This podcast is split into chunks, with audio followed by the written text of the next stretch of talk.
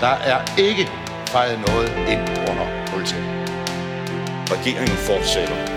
Derimod er det ikke nødvendigt, at statsministeren fortsætter.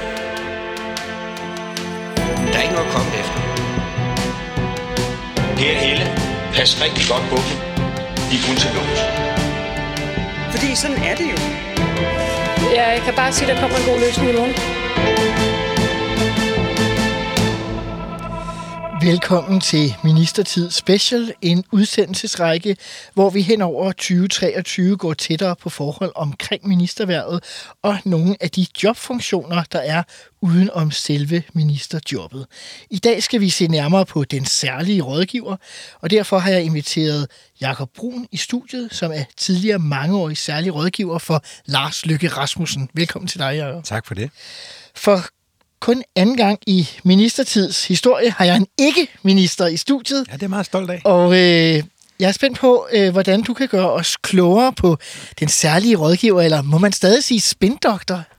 Ja, det må man vel godt. Det er i hvert fald det, når jeg, når jeg forklarer nogen, som ikke, øh, som ikke sådan har deres daglige gang omkring Slottsholm, når jeg forklarer dem, hvad jeg lavede, så ender jeg altid med at sige spindoktor, selvom det i virkeligheden er en, en ret lille del af jobbet. I 2015 taber Helle thorning Schmidt øh, magten øh, til et borgerligt flertal. Efter øh, forhandlinger bliver der en venstre regering. Du bliver særlig rådgiver, Jacob, men hvor er du egentlig henne på det tidspunkt? Jamen, jeg havde jo haft min daglige gang på, øh, på Slottsholmen og i Folketinget i rigtig mange år. Jeg havde været ansat i Venstre, og øh, havde ikke den der spindokter-funktion. Jeg var tværtimod sådan en af, af fagnørderne, som trives med regneark og med øh, folketingssvar og nørdede dokumenter. Øh, og havde så brugt øh, selvfølgelig noget tid på at hjælpe øh, Lykke og Venstre øh, gennem en lang overrække faktisk. Og, øh, og sad så også og hjalp dem i, øh, i regeringsforhandlingerne.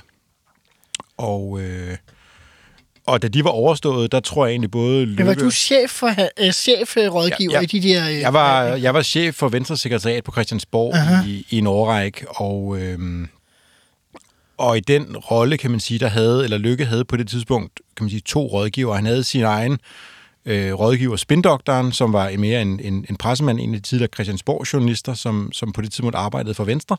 En fyr, der hedder Christian Hyttemeier, som i øvrigt stadigvæk arbejder i Venstre og er partisekretær.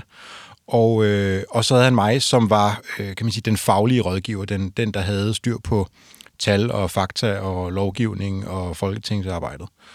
Og, øh, og i 15 der tror jeg egentlig både Lykke og jeg havde en op, fornemmelse af, eller en, en, en, en ret sikker idé om, at, at når han, hvis han blev statsminister, så skulle det ikke kun være øh, mig, der blev særlig rådgiver, men så skulle Christian Hyttemeier faktisk også have været særlig rådgiver, så vi var to. Det kunne man jo øh, på det tidspunkt, Aha. kan man stadigvæk øvrigt.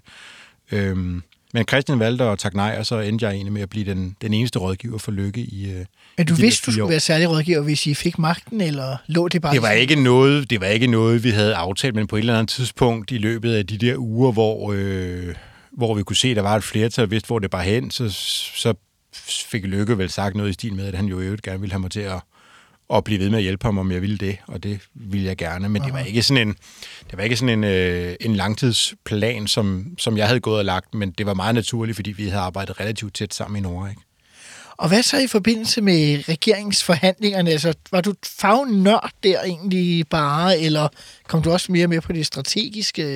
Øh, ja, men min rolle var i virkeligheden en stor del sådan også at, at, at rådgive Lykke strategisk og Venstretoppen strategisk, og, øh, og i regeringsforhandlingerne konkret, der var det... Øh, kan man sige, vi, vi havde valgt øh, Torning årene før, da hun dannede, øh, da hun dannede regeringen sammen med, med, med Radikal Venstre og med SF. Der foregik det jo i, i det sorte tårn ude på, på Amager, omgivet af stor, stor hemmelighed.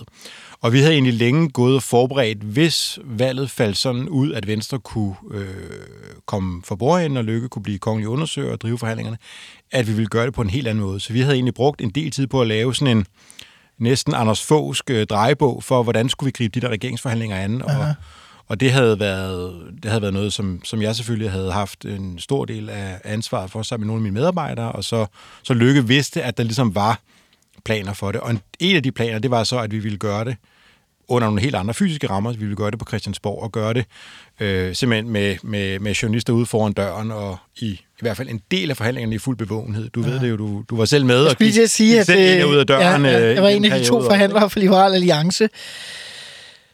Og, øh, men, men, men vi gjorde det meget bevidst, fordi vi gerne ville sende et anderledes signal, og fordi noget af det, der er vigtigt, når man sidder i de der regeringsforhandlinger, det var i hvert fald vores fornemmelse, det var, at der undervejs i løbet af forhandlingerne er mulighed for at få forventningsafstemt.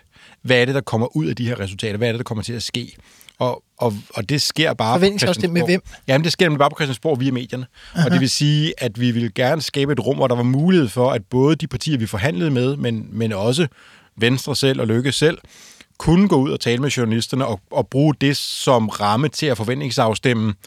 Det kunne både være, hvem skulle man samarbejde med, det kunne også være, hvad skulle man samarbejde om. Aha. Øhm, det var meget anderledes end, end det sorte tårn fire år tidligere, hvor øh, lige pludselig dumpede der jo en, en SSF øh, radikale regering, som man ikke rigtig vidste, hvad var, og som jo blev født i sådan en sky af løftebrud, som endte med at forfølge dem i ret lang tid. Så, så det havde vi tilrettelagt på en, en meget anderledes måde. Altså sådan, så de politiske resultater, så at sige, i regeringsprogrammet også løbende skulle blive drøbet, som man kendte. Ja, og så der var mulighed for, nu, nu kan man sige, øh, noget af det, vi også har talt om, når mikrofonen har været slukket, øh, har jo været det her med den måde, Liberal Alliance blandt andet håndterede, hvad, hvad var jeres krav på skat, og hvad var jeres krav på Ja. ja. andre temaer. Og, og det gjorde i hvert fald, der blev en ramme for at få talt også nogle gange i pressen om de der ting, og, og det kan man så både bruge til at skrue op for nogle krav, man kan også nogle gange bruge det til at moderere nogle krav og, og snakke sig tættere på hinanden. Aha. Parallelt med det forløb, og parallelt med alt det, der foregik i Folketinget, så foregik der jo også noget øh, ved siden af. Altså, der foregik også møder i fortrolighed, og det ja. kunne det foregik øh, mange forskellige steder, men, men ofte i Lykkes private lejlighed, hvor, øh, hvor vi jo også har mødtes, og hvor andre partier også har, har været forbi. Øh, og så er det, har det typisk også været en mindre kreds, så var det, var det Lykke, og så nogle gange ham selv alene, nogle gange sekunderet af enten en politiker, eller mig, eller i nogle tilfælde også øh, statsministeriets daværende departementchef. Aha. Men hvad, altså, det er jo nogle meget øh, specielle forhandlinger. Man kan sige, at det, de start, der var meget sådan fokus på, at skulle der dannes den her Venstre Dansk Folkeparti-regering. Øh, hvad stod der i Venstres drejebog, er lige ved at sige, at det skulle ende med? Først og fremmest, at Venstre skulle være et regeringsbærende parti. Det, det var ligesom, det var ligesom statsministerposten igen. selvforståelsen Ja. af statsministerposten, og det var selvforståelsen, og det var det også, selvom Venstre jo i virkeligheden fik et ret dårligt valg. Mm-hmm. Øh, Men tabte 13 mandater. tabte rigtig mange mandater, og Ja. ja. blev jo blev jo til med øh, ikke engang det største blå parti, det blev Dansk Folkeparti, som fik et kanonvalg med over 20 procent af, af stemmerne. Og, øh, og vi havde nok en fornemmelse af, at, øh, at konservative egentlig ville være dem, som var tættest på os. Venstre og konservative havde været i regeringen i ret mange år, eller hele vejen op gennem nullerne. Men konservative fik et virkelig, virkelig dårligt folketingsvalg, og havde jo næsten ingen Seks mandater. mandater. De havde seks mandater tilbage, ikke? og havde en meget, meget lille folketingsgruppe. Og, øh, og det blev ret hurtigt klart, at de havde ikke rigtig appetit på noget som helst. Øh, vi kendte jo ikke rigtig Liberal Alliance særlig godt på det tidspunkt, og, og ikke godt nok til, at vi havde en oplevelse af, at Venstre og Liberal Alliance alene kunne blive til noget. Nej, for det, det ønskede Så- vi jo på det tidspunkt. Ja, i foreslog jo, jeg kan jo huske, I foreslog jo endda til en start i hvert fald, at det første mandat, Lykke fik af, af dronningen som forhandlingsleder, det var jo at danne en regering bestående af alle fire øh, blå partier. Ja. Og øh, Hvad tænkte I egentlig om det? ja, men det tænkte vi, det kommer aldrig til at ske, og, og det, det ene var, jeg tror, ikke, jeg tror ikke, vi havde meget lyst til det, men det andet var, at vi anså det for, for helt urealistisk. Både fordi vi vidste, de konservative, de havde ikke meget appetit på det, og fordi vi var helt sikre på, at Dansk Folkeparti havde i hvert fald ikke appetit på at komme i regering med Liberal Alliance. Øh, så, så vores, vores vel mest sandsynlige scenarie, det var enten, at det ville blive Venstre alene, eller at det ville blive Venstre sammen med Dansk Folkeparti. Det var, det var de to scenarier, som vi, vi vurderede var de mest sandsynlige. Altså Søren Pind øh, har jo for eksempel antydet, at det var sådan tydeligt, at øh, når han nu blev justitsminister, så var det fordi, at så Altså, han kunne risikere, at det varede ikke evigt, fordi at det var sådan til, at Peter Skå på et tidspunkt kunne overtage den post, og andre poster øh, var ligesom sådan udset til DF øh, på et tidspunkt. Var det så tydeligt, at man overvejede at, at udvide senere, eller er det, en Det, det fantasi? tror jeg ikke, det var for Søren Pind. I hvert fald. Ikke på det tidspunkt, han senere. Det kan jo godt være efter rationalisering, men der er jo ikke nogen tvivl om, Dansk Folkeparti på det tidspunkt, de fik et kanon godt valg. Aha. De fik som sagt altså, over 20 procent af, af stemmerne. De var det største blå parti. De havde jo været tæt samarbejdspartner for Venstre gennem rigtig, rigtig mange år. Jeg, jeg deler ikke Claus Hjorts øh, udsagn om, at man har et værdifællesskab Aha. med Venstre og Dansk Folkeparti, men, men det havde, man havde haft et utroligt tæt arbejdsfællesskab, og der var ret tætte, ret fortrolige relationer mellem Venstre-toppen og Dansk Folkeparti-toppen, også på det tidspunkt. Men, men havde I realitetsforhandlinger om at få en VDF-regering? Øh, Vil du kalde det det? Ja, det var vi sådan set, men, men, men jeg tror i virkeligheden, problemet var for faktisk også for Dansk Folkeparti, at de blev så store, som de gjorde. Jeg tror, havde styrkeforholdet været lige akkurat modsat, så Venstre var blevet størst, men Dansk Folkeparti var blevet lige akkurat mindre end Venstre. Så tror jeg, der er en god chance for, at det havde endt med en, en VDF-regering. Men, men når Dansk Folkeparti blev de største, så, så var deres vurdering i hvert fald på det tidspunkt, det ville være enormt svært for Dansk Folkeparti og over for deres vælgere at sige, okay, vi er blevet det største blå parti, men vi gør Lars Løkke til statsminister, men Venstre har i øvrigt også finansministerposten, og regeringen skal have en positiv øh, EU-politik, og vi får ikke indfriet de der ambitioner, vi havde på velfærdsområdet med, hvor stor skal den offentlige sektor være. Der var en del, øh, altså både sådan nogle formelle omkring poster og sådan noget, og der var nogle politiske knaster, hvor Løkke ikke øh, kunne give sig. Øh, og, og, og, og, og der tror jeg, det havde været nemmere for Dansk Folkeparti at forklare, at de også måtte give sig nogle steder og kunne træde ind i regeringen, hvis de havde været en lille smule mindre, og Venstre havde været en lille smule større. Det bliver jo sådan noget bagspejls, Ja, ja, bagspejlskørsel, men, men jeg, min oplevelse var egentlig, at Dansk Folkeparti var et sted i deres, i deres udvikling, hvor de var parat til at komme i regering, og tidligere valgkampe, jeg, jeg arbejdede også for Venstre dengang, Anders Fogh var, var statsminister, og da Lykke var der i første omgang, der var vi ret bekymrede for i Venstre, hvad skulle vi svare på spørgsmålet om, kunne I finde på at tage Dansk Folkeparti med i regering? Aha. Fordi der var Dansk Folkeparti stadigvæk øh, i nogens øjne ikke øh, regeringsduelige. Stuerene. Det, ja, måske ikke stueren, men i hvert fald regeringsduelige. Aha. Vores oplevelse var i 15, at det var ikke noget problem. Altså, de havde fået et kanonvalg i 2014 Aha. til Europaparlamentet, de havde fået et kanonvalg i 2015 til Folketinget. Så vores oplevelse var egentlig, at Dansk Folkeparti var lige så parat til at gå i regering som alle mulige andre partier. Mm. Og, og skulle der have været en bredere regering dannet der i 15, så, så vil jeg tro, det mest sandsynligt havde været med Dansk Folkeparti. Mm. Men, men det nåede aldrig rigtigt ind i realitetsforhandlinger, fordi der var også nogle substansting på udlændinge, på europapolitikken, på velfærden, hvor afstanden var for stor til, at Dansk Folkeparti kunne, kunne forsvare at gå ind i en, i en lillebror-rolle, selvom de faktisk havde flest mandater med ind i regeringen.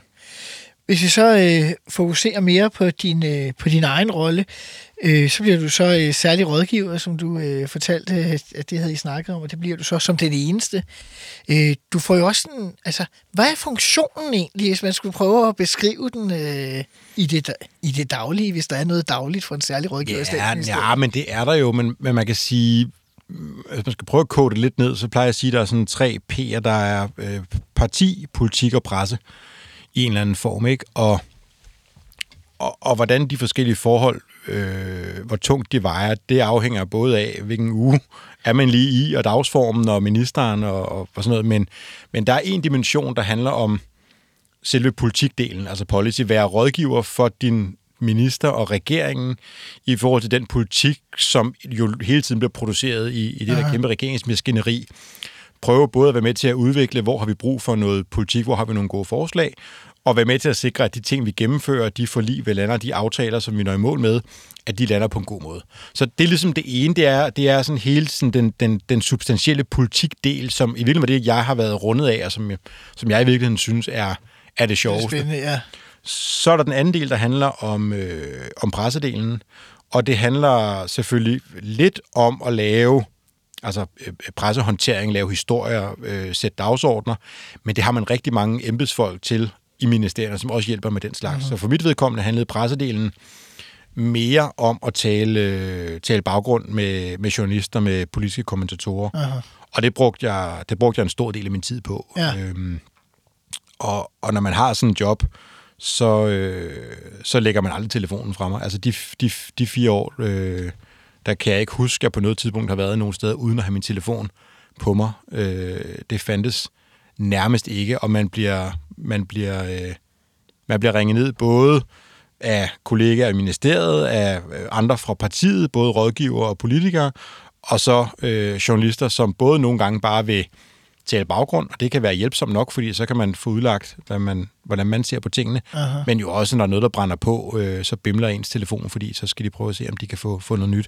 Så det er ligesom pressedelen, og så hvis vi bare lige skal runde den, den tredje dimension, der handler om partiet, altså det, som jo basalt set handler om at prøve at hjælpe sin minister, og i mit tilfælde var det så også partiformand, med at prøve at få en fornemmelse af, hvordan ser det ud i partiet, er der nogle ting, vi skal være opmærksom på, får man talt med de rigtige, husker man også at komme rundt til grundlovsmøder eller generalforsamlinger, husker man at deltage i gruppemødet, tale med øh, nogle af ordførerne, tale mm. med øh, andre i og omkring partiet. Så der ikke er nogen, der er sure rundt omkring i partiet? Der er altid nogen, der er sure. altså, der, det, det er, Sikkert også i et stort parti, der ja, kan være sure. og jo større partiet er, jo flere er der, der, ja. er, der er sure det meste af tiden, men, men, men som minister er der bare grænser for, hvor meget tid du har i døgnet, og der kan det nogle gange være en substitut, at man så har en rådgiver, som på vegne af ministeren kan prøve at håndtere nogle sager. Der er også nogle gange, det virker modsat. Altså, der er også nogle gange, der er nogen, der bare bliver provokeret over, at ministerens stikkerandreng kommer og, og taler med dem om en eller anden sag, så det er ikke altid det hjælpsomt. Men det kan jeg faktisk selv huske som minister, Lars Løkke, var meget sådan efter ministerne for, at øh, man ikke måtte lade sin særlige rådgiver tale for meget med folketingsmedlemmer på sine vegne, for eksempel. Ja, men det er rigtigt, og, og Lykke har en anden måde at bruge rådgiver på, end, end det også er tilfældet i dag, for eksempel. Altså i dag er det meget normalt, at at øh, særlige rådgiver, at de, sidder, de centrale rådgiver sidder med i regeringsudvalgene. De sidder med i koordinationsudvalget, med i økonomiudvalget. Altså, det gør de jo ikke i min Du har siddet der, Simon, ja. masse år. Du har siddet ved bordet, fordi du havde ministerpost, men jeg har jo aldrig siddet ved siden af dig eller over for dig Nej. i de forhandlinger, eller i, i de interne regeringsmøder. Der sad mere sådan traditionelle embedsmænd. Men, men det, altså. det gør de i dag, øh, dem som agerer som særlige rådgiver i den nuværende øh, SMV-regering. Øh, det andet er det her med dialogen med folketingsgruppen, med ordførerne, øh, også til nogle af de andre partier. Det er der også nogen, der, der udliciterer til særlige rådgivere, ja. og, og den måde lykkes så på det, som jeg i øvrigt deler langt stykke hen ad vejen, det er, at hvis man som toppolitiker har et behov for at tale med nogen, så sender det et forkert signal, hvis ikke det er vigtigt nok til, man selv påtager sig den opgave. Aha. Det sender lidt et signal om, at nogle af dem, jeg taler med, de er lidt andenrangs øh, så kan man godt forhåbentlig, hvis man har en rådgiver, som folk også lærer at kende og lærer at respektere, så vil det også være nogen, der af sig selv tager fat i rådgiveren. Og så er det måske en anden sag, men hvis man gerne vil have fat i, i, i mit tilfælde, Lars Lykke, og så det, der skete, det var, at man fik, hans håndgangende mand fik et opkald eller et besøg. Det talte ikke øh, et for det samme. Nej.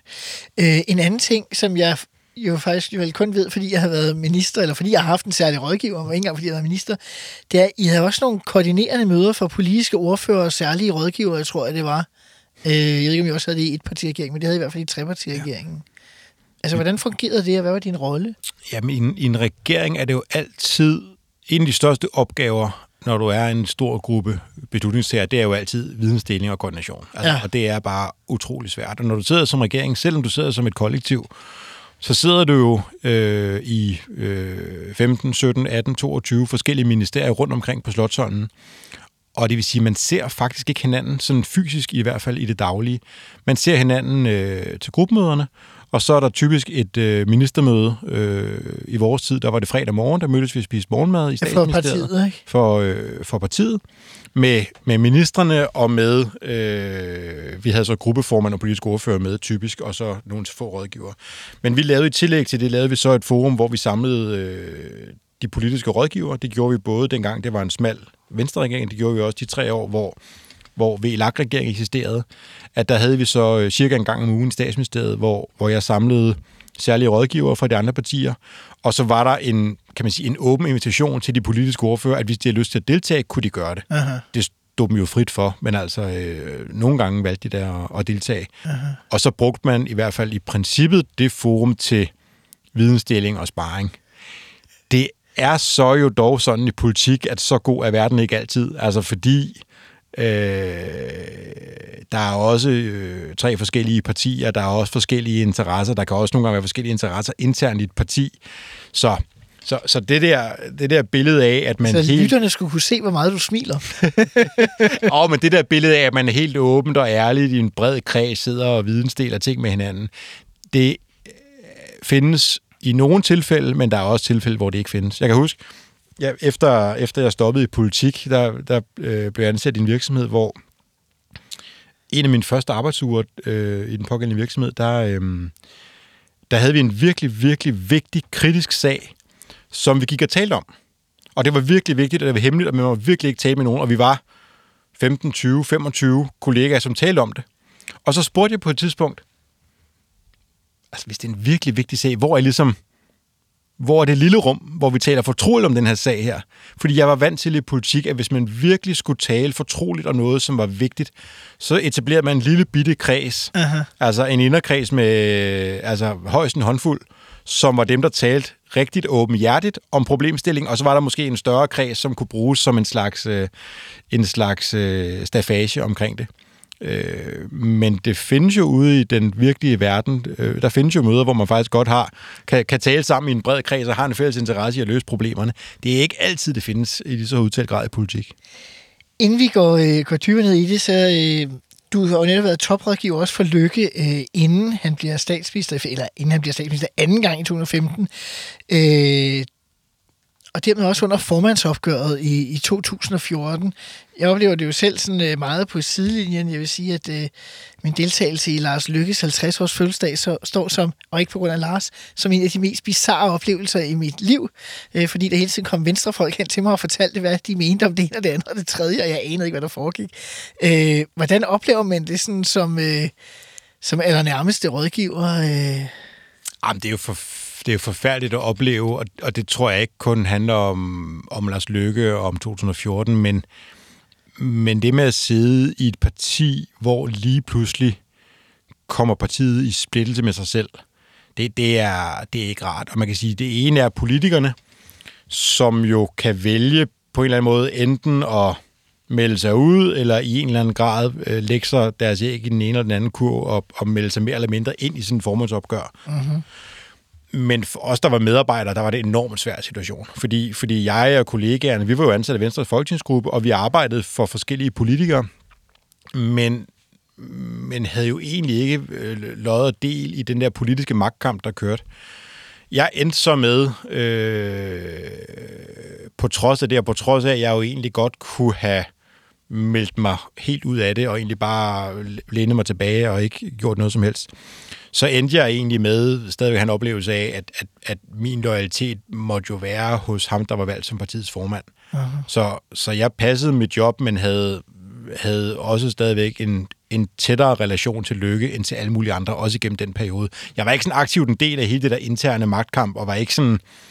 Øh, det er også velbeskrevet, hvordan Lykke havde en ret lille kreds, som i virkeligheden til sidst vel stort set kun var Truslund Poulsen og Lars Christian Lilleholdt, og så Lars Lykke selv, der ligesom var de få tilbageværende, og så var vi nogle få medarbejdere omkring dem, som også var øh, inderkredsen og var lojal over for Lykke, men, men det er ikke en sjov situation at være. Jeg var chef på det tidspunkt og sagde til alle mine medarbejdere, I skal ikke rode jer ind i det her. I skal holde jer ude, I skal passe jeres ting, og så i øvrigt lade være med at blande jer der, fordi det er ikke, det, det er ikke en rar situation at stå i. Nej, hvis jeg også de ville være der efter, øh, hvem der nu vandt. Ja, præcis, fordi ja. der er jo bare en risiko for, hvis der kommer en paladsrevolution, så er der jo en risiko for, at, at det fører til, at folk, som jo bare er glade for deres job og gerne vil passe deres ting, og ikke har så meget investeret i, om det er den ene eller anden eller den tredje, der er, der er i spidsen af et parti, lige pludselig risikerer at miste deres job på noget, som de ikke burde miste deres job på, og som de jo ikke har været gode til. Ikke? Tror du så. selv var fortsat, hvis uh, Lars Lykke havde tabt formandsopgøret i 14? Ej, jeg er meget sikker på, at øh, så var der en anden, der havde overtaget mit job.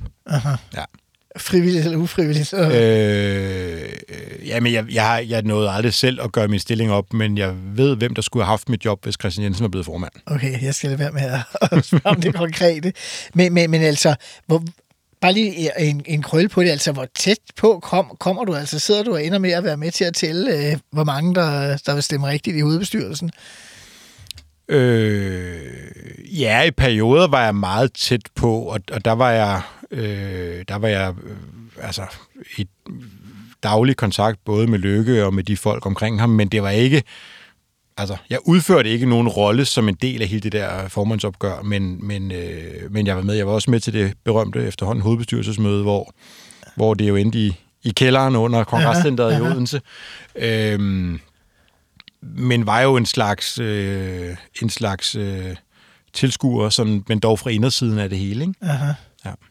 Ja, meget voldsom. Øh, altså, jeg var til møde ved Lykke, jeg kan ikke huske, det var dagen eller dagen inden, øh, hvor vi havde sådan et blot øh, oppositionsledermøde, og hvor han på alle måder signalerer, at det var færdigt. Mm. Øh, altså, jeg, jeg, Men det tror jeg også, det er jo også velbeskrevet. Lykke har også selv beskrevet det i nogle af de bøger, han har, han har udgivet, ikke? At, at jeg tror, alle havde en oplevelse af, at, at, at det var ved at være game over. Øh, ikke fordi, ikke nødvendigvis fordi, at der ville være et flertal imod ham i hovedbestyrelsen, men bare fordi modstanden var så stor, uanset om det så var lige akkurat halvdelen eller lige under halvdelen. Modstanden var så stor, at man var i tvivl om, om det kunne, om det kunne bære fremad. Men, ja. men Lykke, må man bare sige, er jo en... Øh, han er jo en fighter, ikke? Altså, og, og, og hvis en kat har ni liv, så ved jeg ikke, hvor mange Lars Lykke har i politik, vel? Fordi nogen flere end det i hvert fald, ikke? Fordi han har været dømt ude utallige gange, også der i 14, men jo også... tæller i antal katte nu. Ja, det må nærmest være i antal, i antal katte, i antal katte gange, gange ni liv, ikke? Ja. Øhm, så, så vi troede mange af os, at det var, øh, det var forbi. Lykke har jo selv beskrevet den der situation, hvor han på vej til Odense stoppede på en, øh, på en resteplads, og, og fik så at vide af nogle af de mennesker, han mødte på restepladsen, at han måtte ikke give op, han skulle kæmpe videre, og det tog han til sig og kæmpede. Og, og jeg ved ikke, hvor god den historie ligesom får lov til at vokse over årene, men, men alle havde en oplevelse af, at, at, at det mest sandsynlige, da vi kørte mod Odense, det var, at, øh, at vi ville køre hjem med en anden formand. Altså, jeg vil sige, jeg talte med ham om formiddagen, hvor han sagde, det er forbi. Ja. Altså, Ja. ja. jeg var helt overvist om, at jeg havde både set ham fysisk og hørt ham sige det, at, øh, at det var det. Ja, men det var vi, det var vi flere, der var. Og nogle gange, altså, når man så arbejder tæt på sådan en som ham, men det tror jeg også gælder alle andre, så, så, så mærker man jo også nogle gange, hvornår de siger noget, hvor de mener det, og hvornår de siger noget, fordi de gerne vil mod, have, have modspil og have et klap på skulderen, ja. eller, og, og sådan er det jo også nogle gange. Men, men jeg, jeg må sige, jeg troede også, at, øh, at klokken havde slået.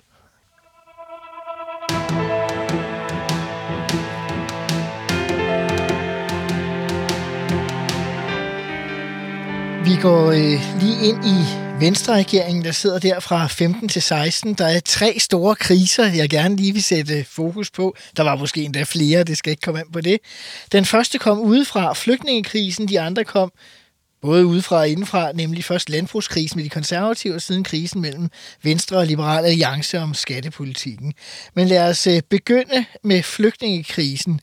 Krig i Syrien, masser af flygtninge vælter ud af Tyrkiet op gennem Europa og ender til sidst på de danske motorveje.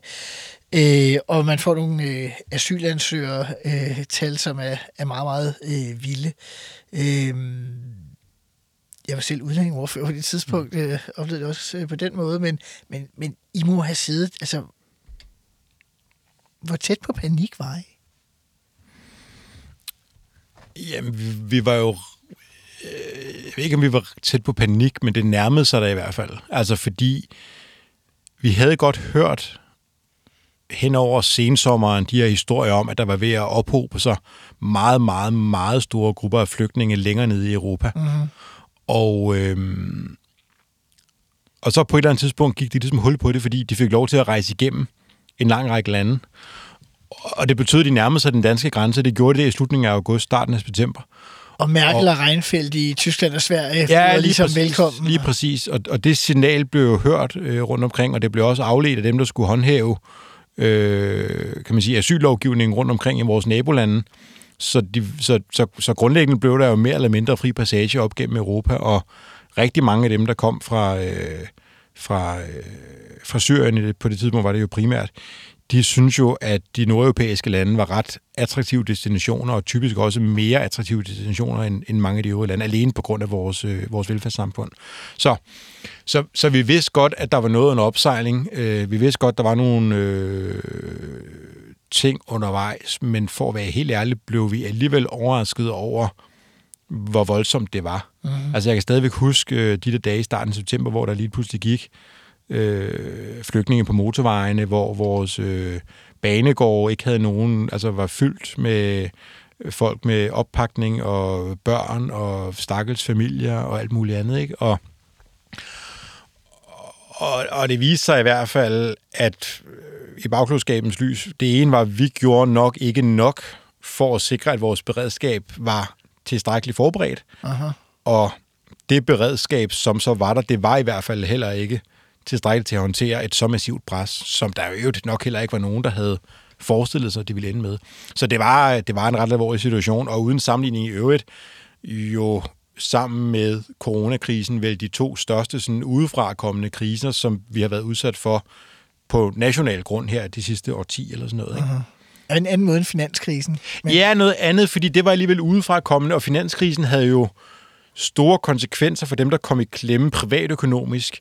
Der var nogen, der mistede deres job. Der var nogen, som lige pludselig sad med, med boliger, som ikke havde den store værdi. Og, og, men, men det havde jo ikke de samme menneskelige og sådan samfundsomvæltende konsekvenser, som flygtningekrisen havde på det tidspunkt, og som øh, Men hvad som gør man i sådan en flygtningekrisesituation? Altså, Jamen, man indkalder jo, øh, man laver jo i, i, i regeringen en krisestab, som består af de relevante myndigheder og, og relevante øh, politikere, og så holder man jo møder meget, meget hyppigt. Øhm, det gjorde vi jo øh, i perioder flere gange i døgnet, og, og de relevante ministerier, det er klart, det var Flygtningeministeriet, som, altså Udlændingeministeriet, som, som du kender som ordfører også. Øh, det var Justitsministeriet, som du også kender godt fra retsområdet, ikke? Statsministeriet selvfølgelig, Udenrigsministeriet, for at prøve også at finde, ud af, hvad kan vi gøre via vores ambassader, hvilke nogle signaler kan vi sende.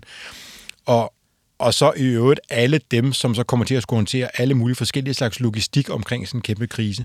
Men jeg synes, jeg kan huske, du må rette mig, hvis jeg tager fejl, at øh, når man indkaldte, i hvert fald i de større forhandlinger, når der ligesom var en bunke forhandlinger, så sad Claus Hjort som finansminister også for bordenden, så sad Søren Pind og Inger Støjberg der på hver deres side og så artige ud.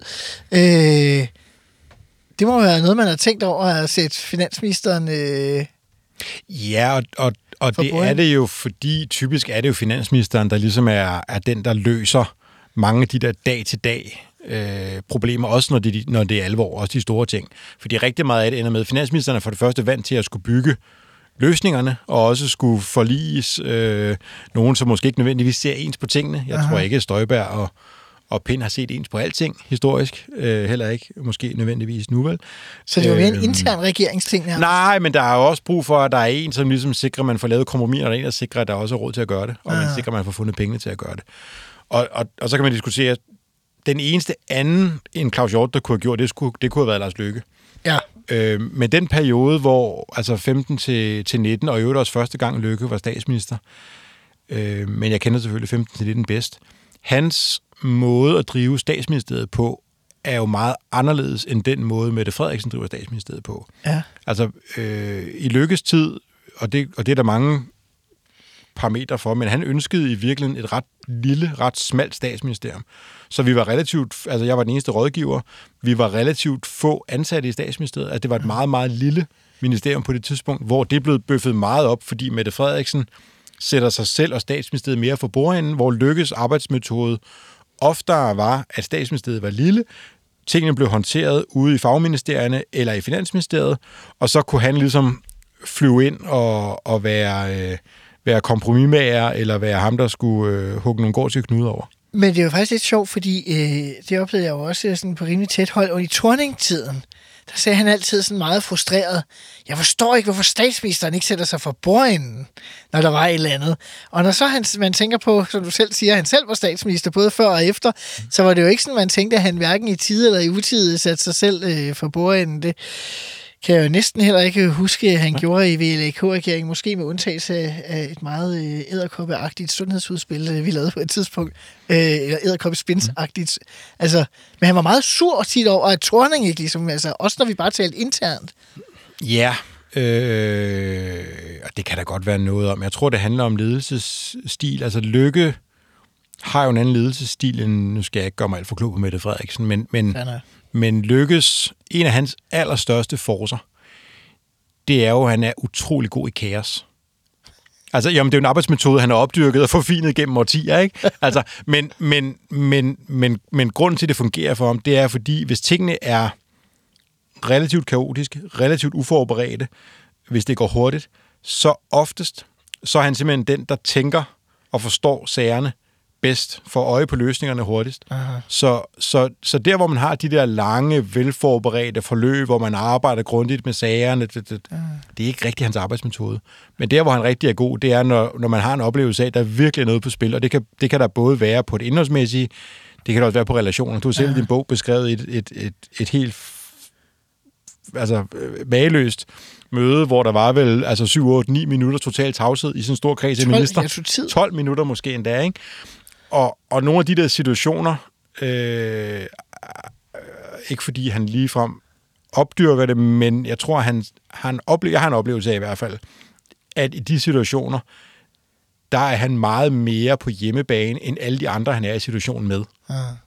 Men det tror du har ret i. Altså, jeg har også, i øvrigt, uden vi skal fortælle sig i min bog, så har jeg også beskrevet det her med, at grunden til, at vi peger på den der firepartiregering, det er også for at tage farten ud af regeringsforhandlingerne i 15, fordi vi tænker, at hvis det går hurtigt, så er det til hans fordel, så vi må hellere... Ja. Øh, men det betyder noget, og- og det er det, det, det er øh, en metode, og det, og, det, og det selvfølgelig også spejler sig også i, hvem man er, og hvad man både kan og godt kan lide, men, men, men i og med, at han ikke er den, der laver lange, strukturerede lister og arbejder sig møjsommeligt frem over tingene, så har han forfinet en anden arbejdsmetode i stedet for, og den virker ofte også. Det leder måske meget godt videre til det næste, som vi vil øh, øh tale om, nemlig landbrugskrisen, ikke? Altså, øh, hvor der var uenighed om nogle øh, beregninger, nogle forskere over på Aarhus Universitet, tror jeg det var, der havde lavet. Øh, jeg vil sige, mellem Venstrefløjen og de konservative, og så de tre øvrige borgerlige partier, og dermed øh, Fødevareminister Eva Kjær Hansen.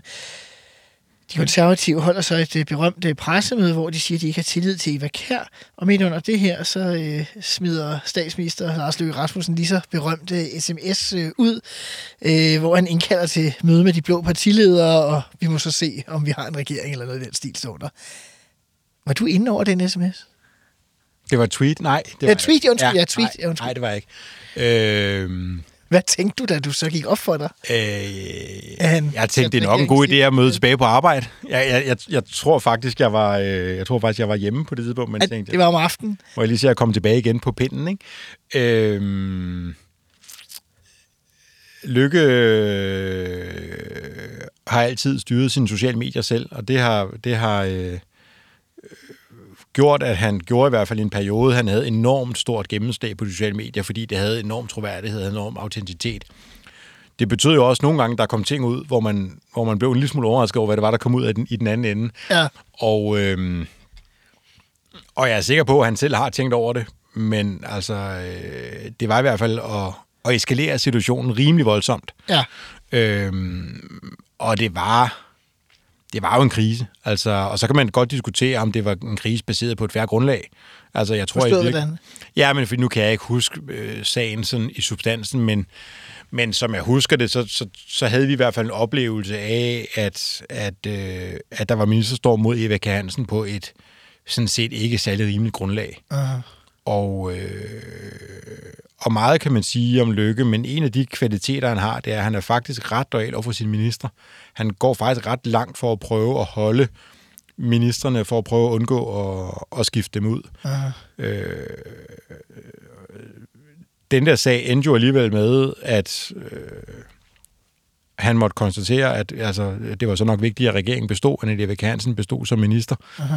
Øh, I hvert Efter et længere rolle, forhandlingsforløb. Efter et længere og ikke særlig, øh, altså ikke særlig godt forløb, vel? Men, men, men den der slags kriser opstår der jo jævnligt, og det er jo sådan et eksempel på, når man sidder som rådgiver, at, at politik er uforudsigeligt i den forstand, du kan godt lave øh, langsigtede planer for, hvad skal man gøre, og hvad skal vi gøre næste uge, og næste måned, og næste kvartal og næste år. Men du kan ikke rigtig arbejde med strategier, som du kan i mange andre øh, forhold. Jeg, jeg plejer at sammenligne med, når, når jeg er i Tivoli med mine børn, der er det der spil, hvor hvor øh, du har sådan en gummihammer, og så kommer der sådan nogle øh, muldvarper op af sådan en plade, så man skal ja. waxen en af gangen. Ikke? Du, du, du. Og, og, og sådan føles politik tit, når man sidder midt i det, at man ligesom kæmper, og især tror jeg i statsministeriet, hvor man, hvor man jo egentlig ikke har noget ansvar for noget som helst, men du omvendt har ansvar for det hele, at ofte bruger du dagene på noget, du slet ikke havde forestillet, at du skulle bruge dem på. Aha. Altså min, mine dage startede typisk aftenen før, hvor jeg jo ligesom de fleste andre på Slottholmen tjekker, hvad er ligesom morgendagens aviser, og så øh, enten gjorde noget ved det. Jeg begyndte at ringe rundt øh, der 22, 30, 23 for at begynde at, at brændslukke, hvis der var noget. Og så igen næste morgen, et tidligt morgenmøde, hvor man snakkede om, hvad gør vi herfra? Og så ender det alligevel typisk med, at man bruger dagen på noget, som er sådan et, et eller andet opdukkende mål, man ikke lige havde forestillet sig. Aha. Og sådan går der rigtig mange, øh, rigtig mange uger, og, og hvis ikke man er meget, meget, meget opmærksom på det, så får de der uger, de får lov til at æde hinanden, så man mister ligesom det langsigtede perspektiv. Det, det var noget af det, jeg synes, en af mine, mine efterfølgere var, har været god til. Det har faktisk været at prøve hos Socialdemokraterne. Aha. Det har været at prøve ligesom at... Altså Rossen og, og, Justus, ja, og, begge to? Ja, sådan set begge to, men det der med at prøve at introducere en eller anden form for langsigtet planlægning, som man uanset det der dag-til-dag pres, forsøger i hvert fald at, mm. også at løfte blikket og kigge fremad. Altså fordi hvis man kigger tilbage på de der fire år, hvor der var blot flertal, hvor, hvor vi jo gik også tæt op og ned hinanden, der var jo da der var gået fire år, var der ikke mange ting, man kiggede tilbage på og tænkte, gud, hvor er vi stolte af, at det blå flertal, de lykkedes med at gøre det her. Nej, altså, noget. fordi det endte med at drukne i altså, øh, stort og ofte småt, som gav sådan nogle ikke særlig langvarige aftryk på, på det danske samfund. Ikke? Og, og det er der alle mulige gode grunde til, men, men øh, men det var en periode, hvor der ikke skete det, vi havde håbet på, da, da vi startede valgperioden i hvert fald. Aha. Ja, men altså uden at det skal blive en, øh, en lang udsendelse om det, så kan vi jo så gå videre til den tredje af V-regeringens krise, som jo i virkeligheden også blev VLAK-regeringens evige krise, mm. øh, nemlig øh, skattediskussionen mellem øh, primært Venstre og Liberal Alliance og virkelig Dansk Folkeparti, som sådan mere end blind marker, ja. hvis man kan sige det på den måde. Ikke? Ja, ikke så blind marker. Nej, det er det. Altså, ja. øh, altså, I skal lave den her øh, helhedsplan i, i 2016, som ligesom skal ordne alt i dansk økonomi. Nogle vil kalde det en rigtig lykkeplan, øh, hvor man øh, skruer på det hele. Øh, på den måde er han jo Venstres Jens Otto Krav, eller et eller andet i den stil. Eller nu Moderaternes. øh, altså, vi har talt om det også nogle gange øh, uden for, for mikrofon. Jesper, hvordan oplever du det der? Fordi jeg oplever det jo meget som, at I havde jeres planer, og I tænkte ikke rigtig sådan over, hvordan skulle I få de blå partier på plads? Ja, men det var fordi, det var ikke nødvendigvis givet, at den plan skulle landes med de blå partier. Nej. Altså, øh, Socialdemokratiet på det tidspunkt, i, vi er her i sensommeren 2016, og Socialdemokratiet på det tidspunkt stod jo også i en eller anden form for strategisk vadested, hvor de skulle beslutte, om de skulle føre oppositionspolitik, eller om de i virkeligheden skulle fortsætte den linje, som Torning, Korridoren, SAS havde lagt i, i perioden 11-15. Altså Aha. i virkeligheden en relativt ansvarlig, midterorienteret, semi-blå øh, økonomisk reformpolitik. Og, øh, og vi havde egentlig fået nogle signaler fra Socialdemokratiet, som gjorde, at vi troede, det var realistisk, at Socialdemokratiet også kunne være med i sådan en helhedsplan. Ja. Det var tidligt i valgperioden. Øh, der var selvfølgelig noget skat, men måske ikke det skat, som du og Anders havde drømt om på Liberal Alliances vegne, vel? Men der kunne godt være noget skat, der kunne være nogle reformer, men der kunne også være noget, som handlede om måske at få frigjort lidt flere penge til den offentlige velfærd. Ja. Og, og det havde vi en fornemmelse af, at der var, der var to veje, vi kunne forhandle. Vi kunne enten lave noget med øh, Socialdemokratiet og Dansk Folkeparti, som vil blive selvfølgelig lidt mere velfærd, måske lidt mindre reformer, men stadigvæk en ret stor reform. Eller også kunne vi lave noget med, med de blå partier. Og, øhm, og udfordringen var, at det spor, der handlede om at gøre det hen over midten, Aha. inklusive Socialdemokratiet, måske også de radikale, vil jeg sådan set tro, men ja. det spor, det blev lige pludselig meget koldt, fordi da, da alle oppositionspartierne opdagede, at Venstre ikke havde, altså Venstre havde problemer med Liberal Alliance, uh-huh. at, at vi ikke kunne falde tilbage på de blå partier og lave noget i deres optik endnu værre med de blå, uh-huh. så, mist, så mistede de appetitten på at gå ind og prøve at tage et medansvar og prøve uh-huh. at lave noget, som var bredt. Så, så, så den der øh, option med at lave noget sådan inde på midten, som i virkeligheden minder meget om den reformdagsorden, som den nuværende SVM-regering ja. set lagt på bordet. Rigtig ja. mange af tingene kan man jo genfinde tilbage Klar. fra den gang det, det kunne godt have været en mulighed at gøre det med V og S som, som, som de to bærende partier, og så sandsynligvis med måske både Dansk Folkeparti og nogle andre. Den, det, det blev bare aldrig en mulighed, fordi lige pludselig opdagede de røde, der er ingen vej frem, det er kun de blå, fordi Liberal Alliance, de vil have skat. Men jeg kan ikke være med at binde det tilbage, når du sagde i begyndelsen af udsendelsen, du sagde i forbindelse med regeringsdannelsen halvanden år tidligere, at I vidste ikke rigtigt med Liberal Alliance, fordi I synes ikke, I kendte os øh, godt nok. Øh, jeg har skrevet en hel bog også om vores egen øh, medskyld og så videre, men jeg kan ikke lade med at spørge dig, altså, øh, undervurderede I nødvendigheden af at finde ud af, hvad Liberale Alliance var for et parti?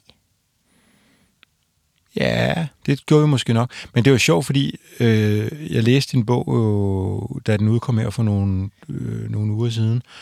Og, og det var en overraskelse for mig, da du skriver i bogen på et tidspunkt, det var slet ikke med vilje, at I ligesom fik gjort skat til et så ultimativt krav, som det endte med at blive udlagt til at være. Altså, at I i virkeligheden... Det er fordi, I ikke ville have os i regering. I i virkeligheden sådan tumlede lidt hen til lige pludselig havde et meget, meget hårdt ultimativt topskattekrav. Ja. Og, og, og vores læsning af jer dengang, det var, jamen det krav, det er så et, ultimativt, to, umuligt at indfri, at det kommer aldrig til at blive til noget. Men man kan sige, at vi havde jo, vores ønske var at komme i regering. Mm. Jeg ser på, at I har givet os fire ministerposter, så havde I haft den nemmeste regeringsperiode i fire år, men øh, det får vi aldrig til at finde ud af, om er rigtigt. Men det er ligegyldigt. Øh, man kan sige, der hvor vi var kommet til i sommeren 16, der havde vi jo ligesom sådan en opfattelse, at der var ligesom to ting, I ikke måtte gøre uden os. I måtte ikke lave finanslov, og I måtte ikke lave skattepolitik uden os, så væltede vi jer. Det var ligesom vores selvforståelse på det tidspunkt. Øh, og vi prøvede jo faktisk at gøre alt muligt for at finde ud af, hvad fanden den her helhedsplan gik ud på. Vi fik ikke nogen forhåndsorientering af lykke. Øh, jeg tænker bare sådan lidt... Øh, det virkede... På mig virkede det som om, at I aldrig rigtig interesseret i, om, de der, om I kunne regne med os. Nej, men det... det er I egentlig ikke interesseret i at undersøge det? Nej, det kan du godt have ret i. Eller i hvert fald, det er jo altid nemmere at kigge på i bagspejlet, ikke? Men der er ikke nogen tvivl om, at i den periode, der havde... Jeg tror, vi havde en, en fornemmelse af... Eller ikke fornemmelse af, vi brugte markant mest tid på Dansk Folkeparti. Øh, og det gjorde vi, fordi de var så store, at de fyldte enormt meget, og Aha. de havde, kunne jo godt lave mange ting med Socialdemokratiet. Øh, vi tog det lidt for givet, at konservative og liberale alliance, de kunne godt, I kunne godt puste jer op, I kunne godt lave ballade, men, men til sidst, så ville det jo ende med, at I hørte til på vores side af stregen, og skulle nok trods alt øh, hjælpe til. Og, og der... Øh, så fejlkalkylen var, I troede, vi var K? Ja, der tror jeg sådan set, at kalkylen var rigtig i forhold til konservativ, men forkert i forhold til Liberal Alliance, ikke? Ja. ja. Nå, det kommer vi ikke videre.